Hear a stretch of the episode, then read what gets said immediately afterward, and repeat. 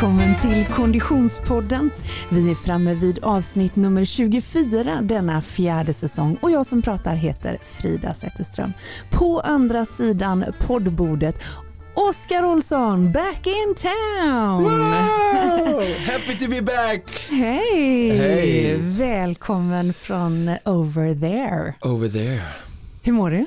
Jo men eh, det är hopp om livet får man väl säga. Ja, alltså jag vet ju inte om jag ska vara lycklig eller oroad, men här står en låda som Oskar Olsson har haft med sig. Och alltså det här, eh, there's a first for everything, men nu Ja. öppnar jag den här då. Det står Ja. Brogyllen på, vilket är ett anrikt café i Göteborg. Just det. Och här, här i är det tre semlor.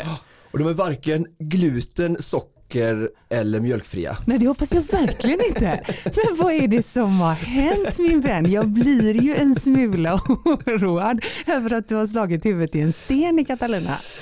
Ja, eh, nej men även, eh, vad heter det, solen har sina fläckar eller vad säga. Ja, eller även i en höstack hittar man en nål. Inte fan vet jag vilken liknelse vi ska ta till.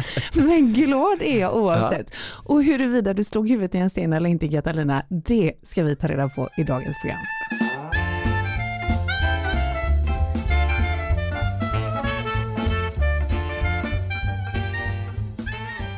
Och vi är så glada att ha med oss våran poddpartner Stadium även den här säsongen, Oskar. Yes. Vi har ju, alltså Stadium och jag blev ju eh, i det närmaste besläktade i förra avsnittet. Just det. Eftersom eh, förra avsnittet var en eh, Vasaloppsredogörelse där ju då producent Niklas och jag sände hos Stadium på Stadiums Instagram hela mitt Vasaloppsäventyr. Eh, men Stadium håller oss i handen även i framtiden och nu går vi ju mot kanske en lite mer blöt form av snö, det vill säga vatten. Simsäsongen närmar sig. Just det. Och där kan man faktiskt fynda hos Stadium både eh, prylar, för jag håller ju på att lära mig här nu eh, som bäst att man, det här med att simma, det gör man ju inte bara med, med kroppen och, och badkläder. Nej, Man behöver ju lite utrustning också. så är det ju. Så vi ska väl lära dig börja kråla nu då? Är det det du försöker? Det får vi väl se. Du hörde väl hur Clara Henry och Mattias Svahn försökte lura in mig ännu en gång.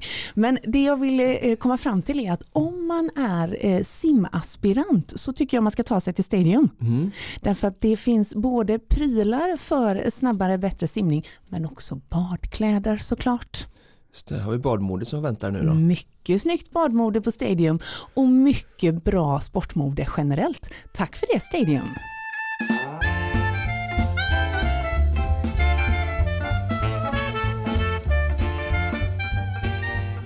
Men du Oskar, det här med förutom semlor då, så, så är du eh, eh, back on track eller hur mår du? Jo men jag tycker det, jag komma in i eh, rutinerna och eh, hade förra veckan där allting bara handlade om att återhämta och ehm, ja, vila. Inte bara fysiskt utan även mentalt samla ihop mina tankar eh, och upplevelser om loppet. eh, För att eh, komma starkare och vad ska man säga, mer kunnig ut ur det på andra sidan och nu den här veckan börjat trappa igång träningen så kommer direkt eh, nydoppad ur poolen. Just det. Och jag fick höra att du har lyssnat på ett helt poddavsnitt. För första gången ish. Det där får vi ta och diskutera sen hur du, hur du förhåller dig till att lyssna på poddavsnitten. Ja, men det var ju, Annars. min röst fanns ju inte med någonstans Nej. utan det var ju bara din och Niklas Ja. och, eh, och det var ju lite blandade känslor för det var ju jättekul att få höra eh, hela storyn eh, där jag tyvärr inte kunde vara med och sen var det ju en liten eh, sorg just i att, eh, att jag inte kunde vara just på plats och få uppleva allt detta härliga eh, och, och jag hörde din kommentar där om att eh, var, skidåkningen, var du varit eh, hela mitt liv? Att man, att man skulle komma på det här så här sent när du i Kläppen eh, Ski Resort laddade upp där på lördagen i solskenet. Eh, Ja. Nu blev det kanske inte riktigt samma Upplevelse Så, på, på Vasaloppet. Vi pratar ju alltså om avsnitt 24 av Konditionspodden som är den Vasalopps eh, race reporten eh, eh, förra avsnittet. Ja, nej det kan man ju inte påstå Nej, att det blev men samma. eh, det blev ju en, en desto större utmaning utmaning. ja. Precis som eh, ÖTÖ 2017 när det, vinden ven från alla håll och vågorna piskade överallt. Eh, så det blev ju liksom ett, eh, verkligen ett starkt minne och utmaning att ta med sig och vara stolt över tycker jag. Så att, ja. imponerad är jag och det är ju därför vi har de här glutensockerbomberna här i studion som du ska få möla i dig nu. Du har gått ner 3-4 kilo efter det här strapatsen. Nej det hoppas jag verkligen inte. men, nej, nej men det var ju en fantastisk upplevelse alltså. Ja. Det går ju inte att komma ifrån. Nej. Och jag får ju, har ju fått höra både från höger och vänster att det var jävla vad glad du är hela tiden. Och det är ja. ju det är tröttsamt det, förstår jag ju. Ja, men det är positivt. Men, du var glad. Alltså, och jag måste säga att jag tycker att det var en väldigt positiv upplevelse. Mm. Och jag, det var verkligen en kollektiv upplevelse. Det var verkligen mycket god stämning och känsla. Ja och Niklas vittnar ju också, men där hörde jag i avsnittet eh, förra avsnittet att eh, alltså stämningen bak i lederna -huh. eh, mot det kanske jag och Niklas är vana vid lite Exakt, längre fram att det är lite tuffare. Exakt, hänga med med min crowd. ja, det gläder mig. Kul för att man är ju ändå tillsammans på väg mot samma mål på ett sätt även om det är var och en för sig själv så mm. kan man ju få kraft och energi av sin omgivning i, i, en, sån, i sån situation. Så att, ja, härligt. Mm. Några av dem som du hängde med under exakt samma tidsperiod mm. som var i allra högsta grad delaktiga i eh, Ö till Ö Catalina ska mm. vi prata med idag. Mikael Hammar. Hej Mikael, det här var Frida och Oskar från Konditionspodden. Vad härligt att få prata med er. Vad gött att få den responsen. Hur är läget? Ja, men det är toppen. Det är tisdag, eller inte ens tisdag morgon, det är onsdag morgon. det är onsdag morgon när vi ringer. Jag redan hur läget är. Nej, men det är bra. Det är toppen. Du, var befinner du dig någonstans? Jag är på kontoret i Saltsjöbaden. Okej. Okay. Stockholm. Hemma, back home in Sweden? Ja. Och det har ju varit en intressant resa att komma hem. Alltså. För uh, det här med jetlag, det biter ju på rätt hårt. Ja, ja. Du Mikael, det är ju så att det, det finns ju ungefär eh, eh, lika många anledningar som det finns konditionsidrottade människor att ringa upp dig. Vi skulle kunna eh, eh, prata med dig precis hur länge som helst och jag misstänker att vi kommer få anledning att återkomma till dig vid andra tillfällen. Men just den här gången är vi väldigt nyfikna på vad som ligger bakom ÖTÖ Catalina. Hur hamnar ni där? Så Catalina, eller vi kan ju börja två år tillbaka i tiden så kände vi att det var, började bli dags att försöka um, hitta en plats i USA där vi kan uh, skapa ett ÖT-evenemang. Och vi pratar ju alltid om att vi vill skapa unika tävlingar på unika platser. Så det var ju då en förutsättning för att börja med det. Mm. Och i samband med att vi gjorde det så uh, blev vi Eh, Eh, så har vi några deltagare som är från södra Kalifornien som tog kontakt med oss och tyckte att vi eh, skulle titta på Katarina. Och jag har bott i, i, i USA ett antal vändor och kände till Catalina men hade aldrig varit där. Eh, som jag tror många är i ungefär samma plats. Man har varit i LA och man vet att det finns en ö utanför som heter Katarina men, men man, kommer inte, man kommer inte längre. Nej. Och då um, började vi titta på förutsättningar för att åka dit. Eh, det, så när vi letar efter nya platser för att bygga tävlingar så har vi några saker som vi måste ha från, från början. Och det första är att vi måste ha tillgång till en eh, internationell flygplats inom fyra timmar, säger vi. Mm. Eh, vi behöver ha fungerande hotell och matlogistik så att man kan ta emot deltagare. Och sen så behöver vi då naturmöjligheterna runt omkring. Katarina föll inom ramen för det eh, på alla delar. Los Angeles är väldigt lätt att ta sig till och från Los Angeles så går det ju det går lika fort att ta sig till Catalina som tar sig, går att ta sig till Utö i Stockholms skärgård. Just det, precis. Um, och då kände vi att ja, men det här måste vi leta vidare på. Och då åkte jag och en av mina kollegor, Dominic, dit ett halvt år sedan. Mm. Och då såg vi att uh, det var en fantastisk plats. Mm. Alltså det, det har unika förutsättningar i att uh, du har hav uh, runt om, ja det är ju en ö såklart. och så sen så är det väldigt lite människor som bor där i och med att det är 80, jag tror att det är 87 procent av ön är i, i ett naturreservat. Okej. Okay. Så det är egentligen två, två samhällen. Ett lite större, Avalon, och sen så är det, det lite mindre Two Harvest där vi hade tävlingen. Um, och så träffade vi då ja, borgmästaren, uh, Chamber of Commerce, uh, Conservancy, Island Company. Alla de som, som vi behövde egentligen ha med oss på, på banan för att kunna göra en tävling. Och fick då uh, ett väldigt bra bemötande och kom överens om att vi skulle försöka skapa en tävling på plats. Mm. Och sen eh, ja, så tar det ju över ett år att bygga en tävling eh, med det som krävs. Så det är egentligen bakgrunden. Men, men det egentliga syftet är ju liksom att hitta en plats där eh, som är en öteö-plats som vi kallar det. Och det är ju en plats som ja, får folk att drömma. Just det. det. Vi vill skapa en möjlighet där vi kan skapa en tävling som är utmanande och där platsen är helt unik. Och det, det är ju verkligen Katarina. Så mm. vi, vi är jättenöjda med, med utfallet. Vi är ju nu eh, ganska exakt en och en halv vecka efter eh, racet. Levde Katarina upp till dina förväntningar? Ja, alltså vi hade ju väldigt tur eh, vill jag ju påstå i och med att eh, det var ju tänkt att det skulle komma en stor storm eh, med massa regn och grejer på söndagen och det kom inte förrän alla var färdiga. Mm. Så det, och det hade ju förändrat saker och ting lite. Så att, ja, det var mer än, mer än vad vi hade förväntat oss eftersom bemötandet från alla deltagare var så oerhört positivt också. Så vi visste ju och tyckte att det var en underbar plats. Men man vet ju aldrig förrän efteråt om, de andra tycker att det är bra eller inte. Och bemötandet eh, och all feedback vi har fått där är helt suveränt. Du, du, Mikael var ju eh, med och grundade ÖTÖ eh, hemma i Sverige. 15 år sedan är det nu va? Ja. Eh, har du hela tiden haft visionen att ta det här internationellt eller när, när föddes den idén?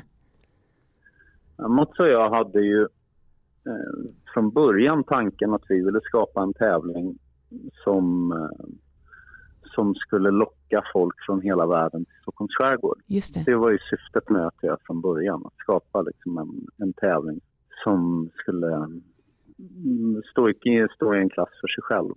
Eh, och 2012 så hade vi nästan 700 lag som sökte till de här 100 platserna som vi hade då till ÖTÖ. Mm. Eh, och då kände vi att då var vi tvungna att, att försöka göra någonting mer av det hela. Eh, både för att ge möjlighet till de som inte fick en plats möjlighet att vara med i en liknande tävling. Så då startade vi tävlingen på Utö mm. som nu är i maj varje år. Eh, och så kände vi att det fortfarande bubblade och, det, och intresset för sporten var så, eller för det vi gjorde, för att det var ju knappt en sport då, det var ju 2012, 2013. Eh, vi hade så många internationella deltagare och så många internationellt som var intresserade. Så då tyckte vi att ja, men vi, vi testade hur det är att göra det här utomlands också. Så då mm. åkte vi till Schweiz 2014 och startade tävlingen i Engadin. Och syftet med det var ju att visa att det gick att göra en tävling på en plats där du, alltså Engadindalen det är i schweiziska alperna, det är vid Sankt Moritz. Ja. Med glaciärer och berg och allt möjligt, men med sjöar. Och syftet var ju att visa att det gick att göra tävling, tävlingsformen um, i en miljö som inte är öbaserad. Mm. Så att det går att springa och simma mellan sjöar också. Och det tror jag gjorde, eller nu med facit i hand, så gjorde det ju att sporten eller aktiviteten fick en, eh, ett stort fäste, både och framförallt internationellt skulle jag säga. Och då när vi såg att det var på den vägen så kände vi att okej, okay, men vi måste bygga vidare på det här för att det känns som att vi är, vi är någonting på spåret på riktigt. Att den här sporten eller aktiviteten som vi började med hade blivit som en sport och hade ett namn med swimrun och Yeah. Det hette inte bara ÖTÖ längre. Um, och då kände vi att okay, men nu lägger vi alla, alla ägg i en korg och satsar på att försöka bygga upp det här till en internationell serie. Och ja, sen så... Så vi utvärderar ju hela tiden hur vi ska göra och varför och vilken väg vi ska ta. Och så för, försöker vi bygga upp det sakta men säkert utan att liksom, ta för mycket vatten över huvudet. Ja, jag ska flika in lite där och verkligen bara kan hålla med Mikael och eh, säga hur fantastiskt det är att få ha varit med och följa sportens utveckling och eh, jag talar för mig själv men säkert för många andra också att ÖTÖ som började där man fick mäta sig mot de bästa i i den aktiviteten som du säger, eller eventet, eh, men sen senare också sporten ehm, var ju det någonstans som drev en att få de bästa och sen för att kunna få mäta sig mot alla runt om i världen eller göra det liksom ännu mer ultimat så var det ju ett måste att få den att eh, växa internationellt mm. för att få ännu mer mm. duktiga atleter att komma till ÖTÖ och, och mäta sina krafter och vi som tränar mycket är ju, det är någonstans det som är liksom essensen att få, få, få testa sig mot de allra bästa mm. och eh, eran utmarsch ut i Europa och nu även ut i världen har ju verkligen gjort det möjligt att, för sporten att växa och ÖTÖ enligt mig är de som håller fanan längst fram och visar vägen för sportens utveckling men även eh, många allt eftersom nu som, som följer med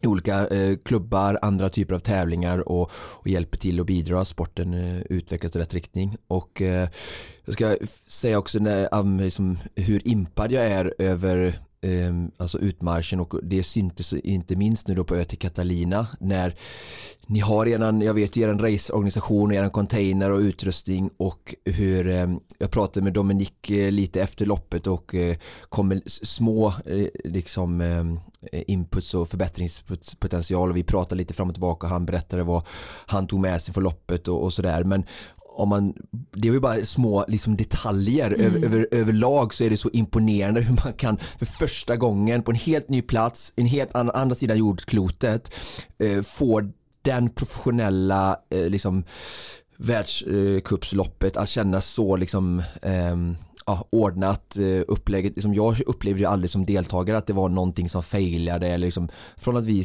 satte foten eh, på Catalina tills vi lämnade med färjan igen så, så gick allting bara klockrent liksom. Mm. Så att det är väldigt imponerande att se hur ni har ett koncept nu framförallt liksom logistiskt och organisatoriskt som, som är förutsättning för att liksom bara kunna fortsätta öppna nya tävlingar och jobba efter era regler och rutiner eh, för att bara få sporten att växa, växa och bli liksom ja, så stor och internationell som möjligt. Så stor eloge till er. Tack. Ja, nej, men det är härligt att höra. Men alltså, från vår sida så handlar det om att vi, vi är en organisation som är extremt dynamisk och vi är extremt lösningsfokuserade. Mm. Och det gör att vi, och samtliga, det, är ju, det har verkligen inte bara med mig eller något att göra. Det, alla är ju helt magiska som, som jobbar med oss. Mm. Um, Mikael, om du... Och det, det är inte lätt att vara på en ny plats. För det dyker alltid upp saker där eh, man inte vet. Ja, folk, folk förstår inte vad är det för någonting vi, vi vill uppnå och vad vi har för syfte förrän de har sett det. Mm. Så att, eh, ja, det blir ju alltid bättre år två, år tre på något sätt. Eller det blir smidigare, det blir lättare för oss att arbeta. Förhoppningsvis så märker ju deltagarna ja, inte så mycket som sagt. Mm. Att vi siar om år två, tre, det avslöjar ju att du ser en, en, en solklar framtid för eh, Swimrun och, och, och, och, Catalina. Om du skulle ta på dig eh, eh, glasögonen och den stora hatten och försöka se en framtid för sporten Swimrun, eh, hur ser den ut då? Sporten swimrun kommer ju utveckla sig eh, runt om i världen oavsett om vi finns eller inte. Det är ju ingen tvekan om det. Och, och det är ju fantastiskt eh, att vi har varit med och initierat en helt ny sport. Om vi tänker att förra året så hade vi deltagare från 52 nationer i vårt system. Eh, att merparten av dem eh, är relativt eh, intresserade att fortsätta med swimrun är ganska säkert. Vilket innebär att de utvecklare i där, där var de eh, bor eh, det är ju så det har utvecklats och det gör ju att de här cirklarna blir större och större och större på väldigt många platser runt om i världen. Så Mm. det, det är ju liksom en grund att, att swimrun kommer att utvecklas. Sen så eh, ser vi ju mer och mer i Sverige, vilket jag tycker är fantastiskt och vilket jag, eller vi tror är liksom nästa steg i sporten. Det är ju att det blir en motionsform där du inte behöver liksom dra på dig en nummerlapp överhuvudtaget. Just. Ehm, lite som mountainbike eller vad det nu är för någonting. Och, där, eh, och, och det är ju det är ju det ultimata för att om man då tänker sig att, att eh, sporten eller aktiviteten swimrun blir en motionsform som folk kan utöva i alla former då, då kommer det bygga en ännu större bas eh, för att låt oss säga, den, den tävlingsinriktade verksamheten kommer att utvecklas vidare också. Mm. Mikael, jag misstänker att Konditionspodden kommer få anledning att återvända till swimrun. Eh, Vi är ju bara och nosar på säsongen här hemma i Sverige än så länge så kanske får vi möjlighet att höra av oss till dig igen längre fram. Men för nu, for now, tack så hemskt mycket för den här eh, rapporten och eh, vi, som sagt, vi hörs igen. Ja, det gör vi. Det ser jag fram emot. Mm, Tack snälla, tack snälla Mikael. Nu ska vi snart ringa upp eh, Axegård och Colting och höra deras side of the story. Så att, eh, du får lyssna Ja, det imorgon blir när det släpps. Och, så får vi höra vad du tycker. Ha det bra. ha det bra. Mm, Hej. hej. Tack så mycket. Hej. Men du Oskar, Ja. du, ni är ju två om detta. Ja, det är väl också det som är det fina med swimrun, alltså, och det som jag har kommit att verkligen eh, älska med sporten, att det är en eh, ett eh, lagarbete eh, och att ja, alla har det tufft ibland, eh, alla är starka ibland och eh, ja, just att eh, de lagen som verkligen lyckas och får kontinuitet kanske i framgång är de som, som verkligen hjälper varandra i, i alla lägen och vad ska man säga, maximerar lagets förmåga utifrån givna förutsättningar som, som alltid kan förändras när man är ute i naturen. Så ja, det är vackert eh, ändå på ett sätt och det jag fick uppleva med Fredrik får jag säga även om det inte var roligt för mig. Mm, och vi vill ju såklart gärna höra Fredriks eh, del av historien. Tjena Oskar. Tjena! Hej, Frida vill jag gärna att du säger Fredrik när jag ringer. Ja, gud vad trevligt. Det är Frida. Det har jag fattat. Hur är läget Fredrik? Det är bra. Det är bra. Mycket bra. Ja. Du, eh, vi har ju fått äran att störa dig här nu eh, eh, så här några dagar efter racet eftersom vi befinner oss mitt i avsnitt 24 av Konditionspodden som är en Race Report Catalina och det går ju inte att göra den utan dig. Nej, det är en ära att få vara med här såklart. och berätta lite. Du eh, Fredrik, eh, vi vet vid det här laget alla hur det gick eh, och vi vet stora delar av Oscars upplevelse. Det är ju till viss grad en smärtsam historia. Jag är väldigt mån om att få höra hur det var att vara precis mitt i det. Hur var det egentligen Fredrik? Ska vi börja där det började gå illa eller ska vi ta det... Vi kan, vi kan väl börja med, med spabesöket, det gjorde jag rätt i alla fall. Jag tog med han på spa. Du, jag tänkte ju lite mer, vi petar rakt i såret tänkte jag. Ja, ja. Nej, men allt hade ju flutit på relativt bra. Vi tog det lugnt från början eh, Mm. som vi sa. Då var det raceplan och sen så skulle vi tuffa på när det var en lång, eh, jäkligt jobbig backe. Ja. Eh, sen så var det ju svinjobbigt nerför, där hade jag det tufft. Tror var efter några simningar till så kom det en lång eh, 1600 där, där jag kom upp ur vattnet och eh, kände mig riktigt fräsch eh, och fin. Men, eh, och jag springer först då i den här lilla gruppen. Vi är ju två lag då som tampas om segern. Eh, och så tittar jag bakåt efter en stund och sen så är Oskar way off. Eh, han är långt, långt ner i backen. Eh, Och det Och hör inte då- till vanligheterna helt enkelt. Nej, inte i en uppförsbacke och det gick väldigt lugnt. Eh, så då fattade jag att eh, det här var inte bra. Vad händer liksom? Eh, viss stress infann sig och de här, det andra laget de såg ju såklart vad som hände och så de, de gick ju all in på att eh, knäcka oss där. Ja. Så jag hann ju bli väldigt stressad såklart. Eh, och från början så var jag så här, men fan nu kör vi, kom igen nu. Nu ökar vi, det här kan inte vara så farligt. Du är lite frustrerad, kör nu. Ja. Eh, vi hörde ganska snabbt på Oskar att eh, fan stötta mig istället. Liksom, att det var inte rätt taktik att köra liksom, en häst eh, jakt där på, på de slutliga vinnarna. Utan eh, jag fick ställa om eh, taktiken och köra lite mera pepp och eh, inte ja, släppa fokus på vinsten helt enkelt. Ja. Men Fredrik, om vi håller oss i det ögonblicket lite grann. Vad, vad händer med dig då? Hur fort går det i ditt huvud när du förstår att okej, okay, det här är något annorlunda? Ja du, ähm, det, ja, vad händer? Jag måste tänka lite tillbaka. Det, allt går så himla snabbt men ändå långsamt. Så jag för tänker bara att vi kör på. För jag kan, vi, vi måste ändå ge dig en enorm eloge i detta därför att eh, hade du bara haft lite mindre fingertoppskänsla och kunskap så hade du kanske malt på och då hade ni ju inte lyckats ställa om tänker jag. Jag tänker att den mentala Nej, var... förmågan är ju ändå tämligen avgörande här. Ja, Jo, men jag har väl jag har kört med min ordinarie partner, säger så. Han, han har ju blivit väldigt, väldigt kall och det brukar oftast ge sig efter ett tag när man har liksom kört på några kilometer och få upp värmen. Men jag tror Oskar, jag insåg nog att Oskar, det här var nog värre än så. Mm. Och eh, då var det mer att ta sig i mål som gällde.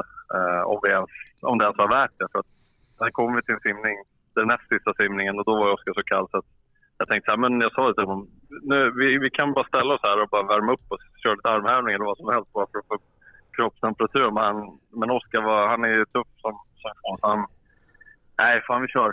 Uh, och så tänkte jag, så jag, jag tittade bakåt hela den simningen och så fan är han med mig liksom? Är, har han sjunkit eller? Så jag var, jag var orolig liksom. Uh. Det skulle gå åt helvete helt och hållet. Jag tittade på massor med klippor runt omkring mig för att se om, här kan vi stanna i alla fall liksom. Och, och ja, du tittade på klippor runt omkring ifall ni behövde stanna. Alltså bara, om man bara tar ja. in den känslan en liten stund så hör ju inte det till vanligheterna att leta flyktvägar för Fredrik Oskar. Nej, det är inte vanligt. Och jag tänkte att det finns någon båt som ser oss sen så småningom. Uh, där vi står som, där, ute på någon öde ö. Uh, ja, det, var lite, det var lite dramatiskt faktiskt, det var det. Helt klart. Ni behövde ju inte kravla er upp på några klippor några flyktvägar utan ni klarade ju er ja. eh, helskenade i mål. Eh, för Oskar var ju det här en, en, en, tämligen dramatisk upplevelse, både naturligtvis fysiskt men också mentalt. Hur såg, mm. liksom, hur, hur såg ert umgänge ut, förstå mig rätt, när ni precis hade gått i mål? vad, vad tog du för roll där? Ja, vi, vi hade ju, alltså artilleriorganisationen är ju fantastisk och de tog hand om Oskar. Eh, det var en kille som, som eh, eller Micke Lemmel satte på en varm parkas och sen så var det raka vägen upp till en varm dusch. Så jag, jag höll mig i eh, stöttande position eh, i, lite i bakgrunden. Så att, ja, jag var lite frusen själv och, och, och så, så, men, men absolut inte som Oskar. Eh, men så att jag, och sen efteråt loppet så var ju Oskar fruktansvärt ja, det tog en timme innan han tinade upp. Sen var ju, sen var ju sig själv igen någorlunda i alla fall. Mm. Men sen var han ju mera... Sen var ju, jag har nog inte sett en så knäckt människa på, på länge, länge, länge, länge. Nej. Och vad gjorde... Säkert lite sur på sig själv. Ja, en smula. Ja. Du hör att han dessutom är tyst nu i inspelning, bara det talar för sig själv. Ja, men, men Fredrik, vad, vad, vad, tar du för position då? Vad, vem blir du i, det, i den relationen? Ja, men jag, jag, jag är liksom så här, men fan, vi ska vara glada att vi, vi kommer i mål. Jag försöker mer peppa och så här, ja, vad fan, det är inte så jävla farligt. Vi kommer tvåa, det ska vi vara glada för. Lite mer så mm. uppmuntrande. Hoppas i alla fall. Inte så här, vad fan, nu kan du vara så jävla dum. Eller, så här, eh, ingen negativ energi. Eh, försök i alla fall. Mm. I det läget. Så det är ju som det är. Då är det bara att försöka se det positiva i, i saker och ting. Och hur nu... Det är klart, nu... samtidigt det är såklart surt. Ja. Och nu när, när, när, Os när Oskar sitter i en varm studio med en ulltröja på sig och, och till och med ett leende på läpparna, du förstår ju själv hur bra vi har det. Eh, ja. hur, hur, hur reflekterar du över loppet och den prestation som ni trots allt gjorde? Ja, det är det, det, vi gjorde en jävligt bra, ett bra lopp fram till dess. Och sen så var det ju mer en, en Oscars eh, pannben och eh, hans enorma krigarhjärta som gjorde att vi tog oss i mål och gjorde det på, ett, eh, på en andra plats som är, är fantastiskt och riktigt bra. Mm, helt ärligt vill jag bara tillägga att du hade ett litet finger med i spelet där också faktiskt. Ni var trots allt två i loppet. Verkligen.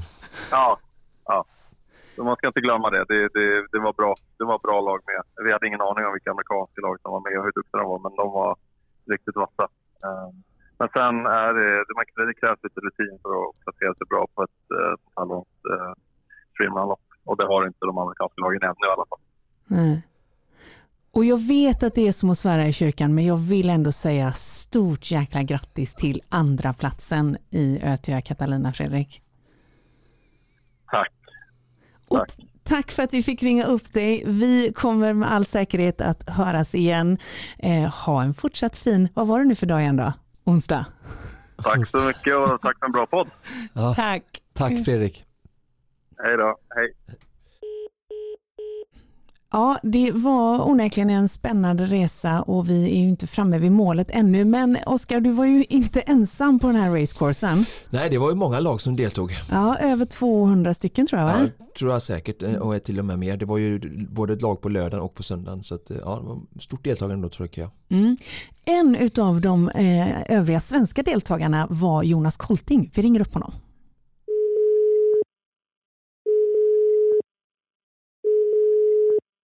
Hej Jonas, det här var Frida och eh, Oskar från Konditionspodden. Hallå, hallå. Hej, hur är läget? Jag bara vänta lite, jag ska på hörlurar här bara. Ja. Du ska... Men nu har jag hörlurarna ja, jättebra. Jag, jag trodde du skulle säga jag ska bara komma upp i poolen. Nej, jag, jag har faktiskt släppt iväg Elin och simmat på morgonen här, så jag är hemma med, i rummet här med Rufus. Ja, ja, ja. Det kan ju vara ett träningspass nog.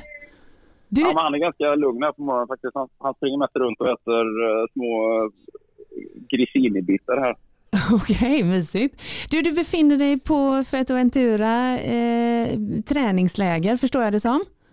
Precis, eller ett, eh, ett, ja, egentligen jag är ju ledare på ett träningsläger här för vår coachinggrupp som vi har. Då, men eh, det, jag får ju tränat en del själv också. Ja. Härlig sidoeffekt utav det. Ja, faktiskt. Du Jonas, anledningen till att vi ringer upp dig eh, precis här och nu är ju för att vi befinner oss i avsnitt 24 av Konditionspodden som är en race report på Ö till Ö Catalina där ju eh, du liksom Oskar deltog med den äran. Jag gjorde bara en snabb koll ja. på din race report via Instagram och den var ju färgstark. ja, den var, eller färgstark, den var ju den var ärlig i alla fall. jo, det är väl lite så du jobbar har jag förstått. Den var inte omfattande. Den var ju så himla... Ja, ja, ja i det fallet så... Eh, jag har inte skrivit någon mer omfattande race report, men jag tyckte att eh, den var ändå... Eh, den sammanfattar ju upplevelsen tämligen mycket. Då. Ja. Om du nu så här eh, några dagar efteråt eh, ska göra liksom en, en, en, resa tillbaka i minnet, vad, vad tar du med dig från Ö till Ö, Catalina?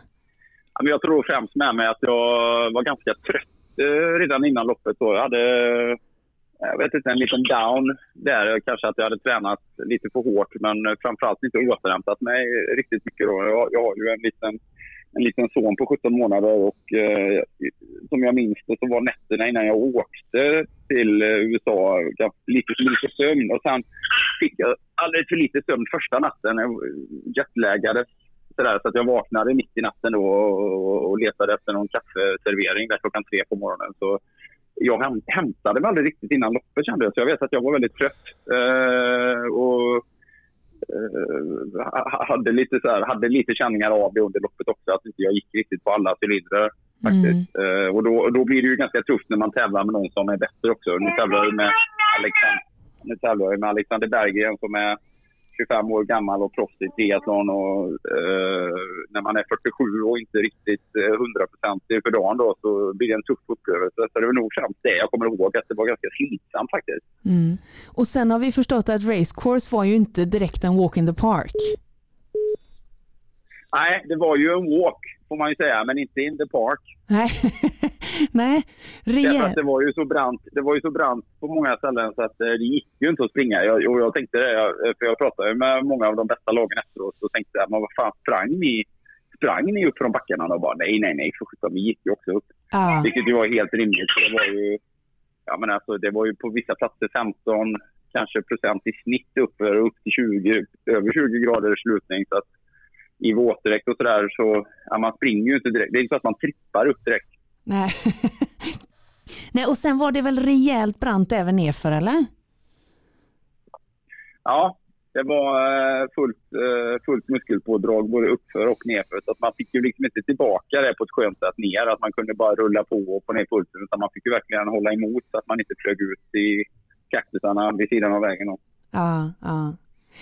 Du, eh, Men det var en jätte, det var en jätte, det var en jätte, jättefin upplevelse ska jag säga. Alltså, swimrun är ju hårt därför att eh, det ställer ju väldigt höga krav på att konstant då växla mellan simning och löpning. Och, när man sen då ska göra löpningen i våtdräkt och sådär så är det ju ganska, det är ju ganska obekvämt att köra swimrun eh, faktiskt. Så, mm. det, är ju, det är ju aldrig riktigt enkelt. Men eh, det kompenseras ju å andra sidan av att banan var oerhört vacker och det var liksom en känsla av att det var superexklusivt att få vara på den här ön precis utanför Los Angeles och få köra då den första amerikanska ö till ö swimrunnen. Så att, eh, det, var, det var mycket wow-känsla också under dagen även om jag då personligen var ganska trött hela tiden. Mm, mm. Vad är du mest nöjd med när ni tittar tillbaka på ert race? Jag tyckte vi ändå gjorde ett väldigt bra lopp. Vi, men jag tränar ju inte så seriöst för event nu för tiden. Eh, så jag tycker att vi gjorde det jättebra som kom sjua i herrklassen. Så det är vi jättenöjda med. Mm. Uh, sen, uh, vi simmar ju inte med lina, vi simmar ju liksom inte med lina eller sprang med lina. Utan jag fick ju, ja, jag fick ju liksom göra, vi fick ju göra ett lopp efter min kapacitet. Och, så jag är ganska nöjd med att vi ändå presterade så pass bra. Men sen är jag väl mest nöjd med att eh, man är alltid nöjd när man kommer i mål och inte har skadat sig på en sån teknisk bana faktiskt. Det ska ju också sägas. Mm. Eh, och sen är jag nöjd med att vi hade en trevlig upplevelse och att vi genom vårt deltagande också bidrog till eh, liksom någon form av swimrun-propaganda i USA. Så att, eh, jag är nöjd, jätte, jättenöjd med helheten och alla vi svenskar som var där hade ju väldigt trevligt ihop och, och tillsammans och det kändes som att vara lite grann på kollo med kompisar faktiskt. Ja, visst, det är ju verkligen det fantastiska med den här sportens eh, internationella stora kliv nu att vi får komma ut och liksom har semester och upplever de här fantastiska upplevelserna tillsammans med härliga människor. Det är verkligen, eh, eh, gör ju liksom mer än att bara åka bort eh, upp till Örebro och köra en, en, eh, en svettig tävling ja. och sen åka hem på eftermiddagen och, liksom, och stanna på någon sketen vägkrog. Mm. Eh, det här är lite annorlunda typ av upplevelse så att, eh, fantastiskt kul. Ja, men det är ju det. Verkligen. Och i synnerhet den här tävlingen eftersom stan där vi bodde i var så liten så det kändes som man, man träffade varandra eh, väldigt mycket. Och, äh, all, det kändes som att alla visste att man var iväg på ett speciellt äventyr. Så, äh, men det är ju det, det, är det trevliga med swimrunsporten, verkligen. Och det bidrar ju oavsett vilket lopp, vilken typ av lopp man har, om man gör det bra eller mindre bra så finns ju alltid den aspekten som tillför väldigt mycket mervärde. Då. Eh, jag har en fråga, vi pratade en hel del här och intervjuade eh, Lemmel tidigare idag och han berättade lite om ja, men från början och utvecklingen och internationella kliven som sporten har tagit nu. Och jag skulle vilja höra lite din syn för att du har ju varit med på ÖTÖ sedan den allra eh, urminnes tiders början och varit med och startat alla lopp och följt swimrun nära både mm. utifrån och inifrån. Och det här var ju en av, jag vet inte om det var den första men i alla fall en av de första eh, ÖTÖ World Series som du gör utanför ÖTÖ banan. Hur, hur ser du på swimruns mm. internationella utveckling och hur tyckte du det var att tävla på någonting som inte var ö till ö och hur tycker du liksom bra fördelar, nackdelar, sporten går vidare, det är nya banor alltså för att man flyttar ju utomlands och, och så vidare. Ja, men jag tycker att eh, jag, jag, är ju ganska... Alltså det är ju fantastiskt vilken utveckling swimrun som sport har gjort. Och visserligen fanns det ju faktiskt amerikanska lag som deltog tror jag, redan i den andra upplagan. Det kom något lag från Navy Seals redan 2007 om inte jag minns fel. Då. Mm. Uh, men, men det tog ju väldigt många år innan det, liksom, innan det, innan det satte sig som koncept. I, I USA är det fortfarande väldigt okänt, även om jag tror att de flesta triatleter i USA nu som följer exempelvis slow twitch då har, har lite koll på vad, på vad swimrun ändå är.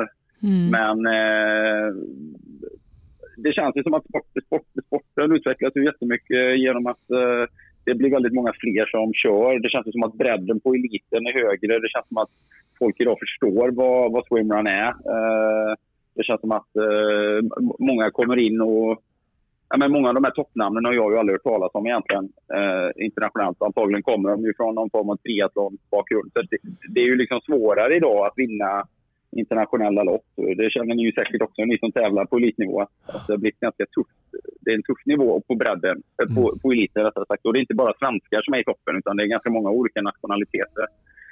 Så att eh, det är ju en, en oerhörd eh, utveckling. Sen tror jag att väldigt många i de här lite mer triathlonstarka länderna, då, om vi tänker USA som ju har väldigt mycket triathlonhistoria, många Ironman. Jag tror att många är trötta på att köra traditionell triathlon. Man har kört ett antal Ironman och det blir inte riktigt den kicken att anmäla sig till ytterligare än. Och man är kanske trött på det här förutsägbara konceptet. Man är trött på att pynta ut 7-8 tusen i startavgifter och man är kanske framförallt trött på att lägga jättemycket tid på cykelträning.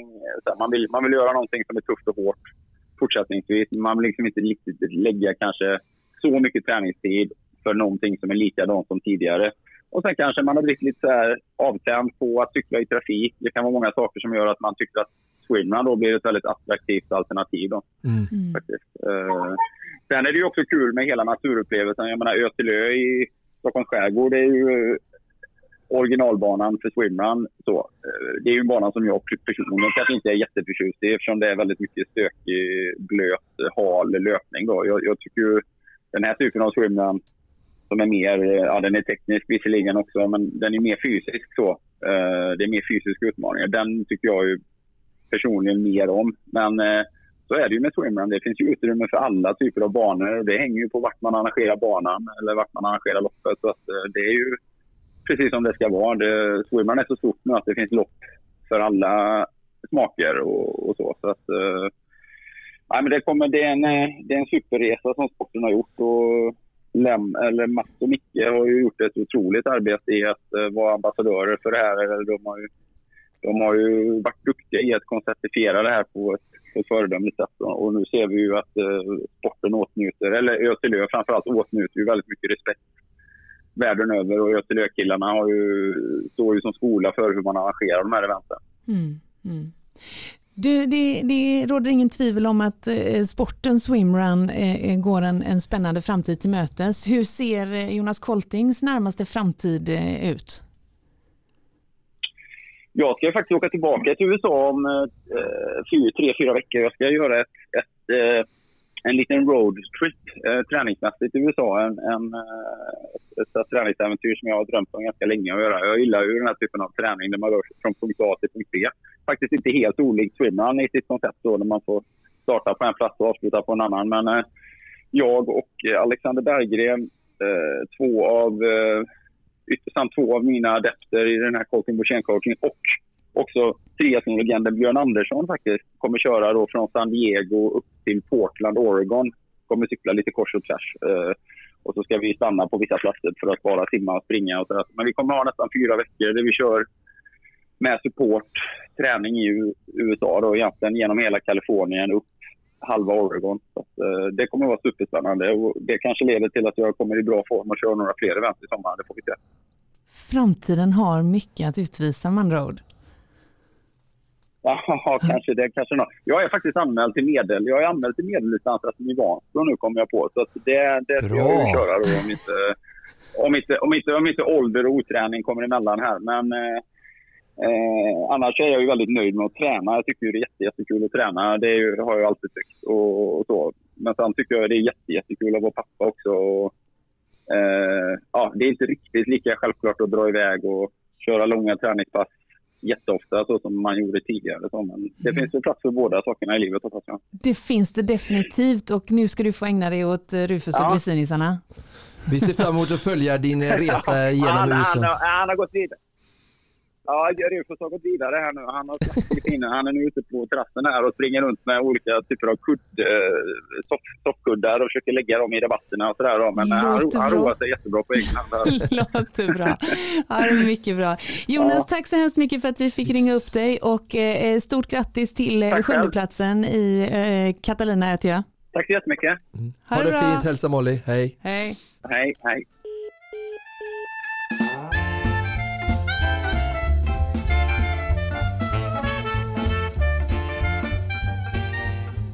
Eh, Oskar, Frida har ju hektiska tider på Svenska Mässan här, så jag får hoppa in lite i, i hennes eh, roll som sidekick till dig. Ja, det är inte för inte hon heter Frilans-Frida, så att livet som frilans verkar vara busy busy. Hektiskt ibland. Ja. Du, eh, Race Report Mm. ser man ju ofta i eh, sociala medier och framförallt i träningssammanhang. RR skriver folk. Ja, vad är det här för något? Vad kommer det ifrån? Jag vet inte. Eh, Jag har själv aldrig gjort någon sån här utförlig race reporter tror jag. Jag försöker väl skriva kanske kortfattat och berätta om hur det var men försöker hålla mig relativt kort och koncist för att folk ska slippa läsa långa haranger. Eh, kanske att det blir lite mer uh, så här uttömmande i detta avsnitt. Nu tycker jag det är lite lättare att prata och folk kan lyssna kanske mer som tränar. Eh, nej men eh, race report, jag vet inte, det är sagt folk vill väl eh, berätta hur det har gått och göra en sammanfattning. Det väl, eh, kommer väl från media tänker jag, alltså att man ser på sporten och ser liksom en race report hur det var på VM i simning, i hästhoppning eller liksom, ja, man följer eh, tätlagen och man får liksom en, en sammanfattning. Ja, Tänker jag. men vi testar då. Vi testar, Ja. du och jag. Oscars Race Report från ÖT Catalina 2020.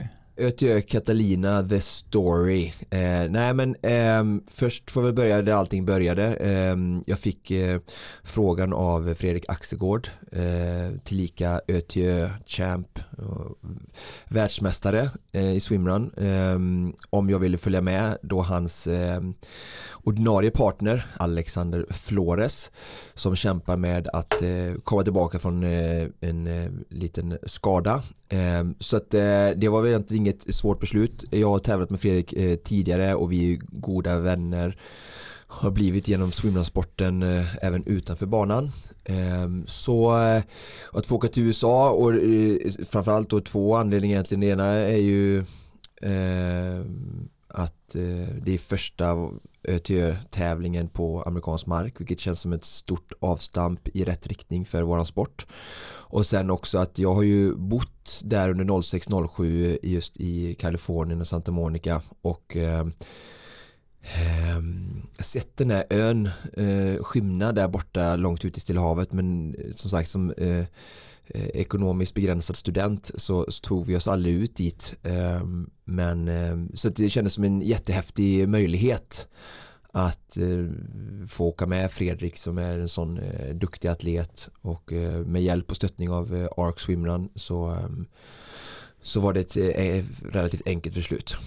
Och eh, jag tycker också att eh, det är det som har blivit lite, alltså man tävlar mycket och vi allihopa, även vi som tränar mycket, har ju ändå vanliga jobb och familjer vid sidan av. Så att, att sporten eh, möjliggör någonstans det här eh, äventyren och man kan kombinera, eller vi får kombinera semester slash med eh, det vi älskar och, och tävla eh, samtidigt och åka runt och se världen är ju en otrolig ynnest. Och eh, den här platsen och alla platser jag har varit på är ju alla unika och spektakulära på sitt sätt. Och nu blev ju det här nu i efterhand liksom omnämnt till att som att komma till Jurassic Park. Och eh, Eh, så var det också tycker jag nu när vi kom med eh, man kom med liksom, den här båten eh, som gick från Long Beach ut till Catalina en timme och 15 minuter ja, man kommer till en ny plats, man vet inte vad som väntar och ja, såklart väldigt exotisk och vi såg delfiner på vägen ut. Liksom. Alltså hela den inramningen gör ju att det blir så mycket mer än bara tävlingen. Eh, ja, men vi, vi flög över, det gick jättebra. Jag tycker det är aldrig problem att flyga. Vi kom till Long Beach, jag hade bokat ett hotell där nära så vi skulle ha nära morgonen fredag skulle vi åka ut med färjan så vi liksom hade gångavstånd till färjan. Kom ihåg vi kom fram, sov en timme typ på eh, hotellet. Så gick vi ut och skulle jogga kommer jag ihåg. För att liksom jogga ur flygresan och eh, Eh, klockan var 3.00 då, svensk tid i vår biologiska klocka och eh, aldrig har jag och Fredrik tränat ett pass med så få ord. Eh, för att det så båda, jag hade eh, liksom astma och benen var liksom skeva och eh, vi kämpade där i någon slags 5, 20, 30 fart. Bara liksom, vi måste eh, igenom detta eh, passet för att komma, liksom, få kroppen att väckas till liv men usch vad tungt det kändes där. Hur ska det gå på söndag om två och en halv dag? Eh, ja. Men så vi gjorde det passet, var ute och käkade lite Long Beach, fick en bra nattsömn, eh, sov hyfsat bra även om man vaknade två på natten där jetlaggad. Eh, kom ner till färjan, åkte vi där vid nio och så kom jag över till Catalina då eh, där vi kvarterades in i denna extremt mysiga, eh, gemytliga by som heter Avalon där eh, det är liksom ja, 3500 invånare, eh, väldigt så här, en, en gågata längs med stranden med mysiga restauranger, butiker eh, och där är själva eh, vad ska man säga, centrumet för ön där folk sover, eh, sover och, och eh, liksom övernattar. Sen då själva tävlingen var förlagd på andra sidan ön eh, på en ort som heter Two Harbor som är 35 kilometer ungefär eh, bilväg ehm, finns ju inte så många bilar på, på, på ön men för de bilarna som så var det väl en sån, sån här, vet det, eh, grusväg liksom upp genom bergen som tog kanske, jag vet inte, två timmar någonting och som tävlingsorganisationen använde för att slusha material och sådär då. Men vi, vi tävlande kom att åka färja sen på tävlingsdagen. Runt ön liksom? Eh, ja, längs med liksom. Ja. Så. Så att eh, en lång ö och anledningen till att det varit är, är så här också vet jag att de har verkligen liksom väldigt liksom, de bevarar ön eh, väldigt mycket. Det finns bisonoxar och mycket annat djurliv. Mm. Så att man låter liksom inte, och det finns stängsel och så, här, så man liksom låter liksom inte människan exploatera eh, mer liksom. Utan eh, det är den delen av ön folk kommer. Och sen är det liksom mer hiking och äventyrs eh, naturupplevelser liksom till fots eller ja. Mm. Så det är liksom inga fordon eller mer bebyggelse som täcker ön utan mer bara liksom fritt landskap då. Mm är, är det här ett upp, upplägg som man köper alla göra? Liksom det är all inclusive typ. De, de tar hand om liksom hela logistiken och man behöver inte tänka på det. Just det, alltså uh, man fick ju välja vilket boende man ville. Mm. Alltså Mm, så. Eh, från eh, alltså, tävlingsdagen, eh, Eh, det ingår ju inte hotell och sådär så det bokar ju folk lite som man vill. Fast alltså de har ju alltid väldigt bra rekommendationer. Så här, ta den färjan för att komma dit eller ta det tåget för att komma till Engadin eh, Valley liksom mitt uppe i, i Alperna bland glaciärer och höga berg eh, alltså från flygplatsen och sen här är tips på liksom hotellerna de bästa vi samarbetar med det här är racehotellet och sådär så Eh, det finns alltid väldigt tydlig och bra guidning eh, för hur man ska lösa logistiken runt omkring då som du säger eh, som, som krävs för att ehm, när man tävlar utomlands så det är väldigt bra. Men sen från och med race day om man säger så eller dagen innan och, och all den logistiken är ju klanderfri och sköts alltid av dem då alla transporter till startlinjen och det är bussar och det är båtar och färger och, och sådär. Så det funkar alltid exemplariskt. Så ja, men vi, vi kom in där, eh, kvarterade in oss eh, i Avalon. Eh, det här var fredag då jag hade en hel dag där. Eh, var ute och kände banan lite. Ehm, sprang, simmade lite och här är också någonting som, som är, blev en, en viktig del då av hela loppet senare och eh, race-reporten då är ju att eh, jag får för första gången testa en ny modell av våtdräkt från ARK. Eh, tar på mig denna eh, och blir helt salfödd och bara wow vilken härlig dräkt. Och det är klart det är inte så mycket neopren på den vilket gör att det mer liknar en, en tri-suit eh, vilket gör att den är extremt skön och följsam såklart att ha på sig till skillnad från en våtdräkt som kan kännas liksom instängd och varm och, och lite sådär. Så eh, utan att egentligen liksom eh, tänka eh, mer, alltså, ska man säga, eh, rationellt och eh, eh, noggrant så, så, så går jag bara på känsla. Och jag är ju en känslomänniska någonstans. Och det är bra ibland och ibland mindre bra.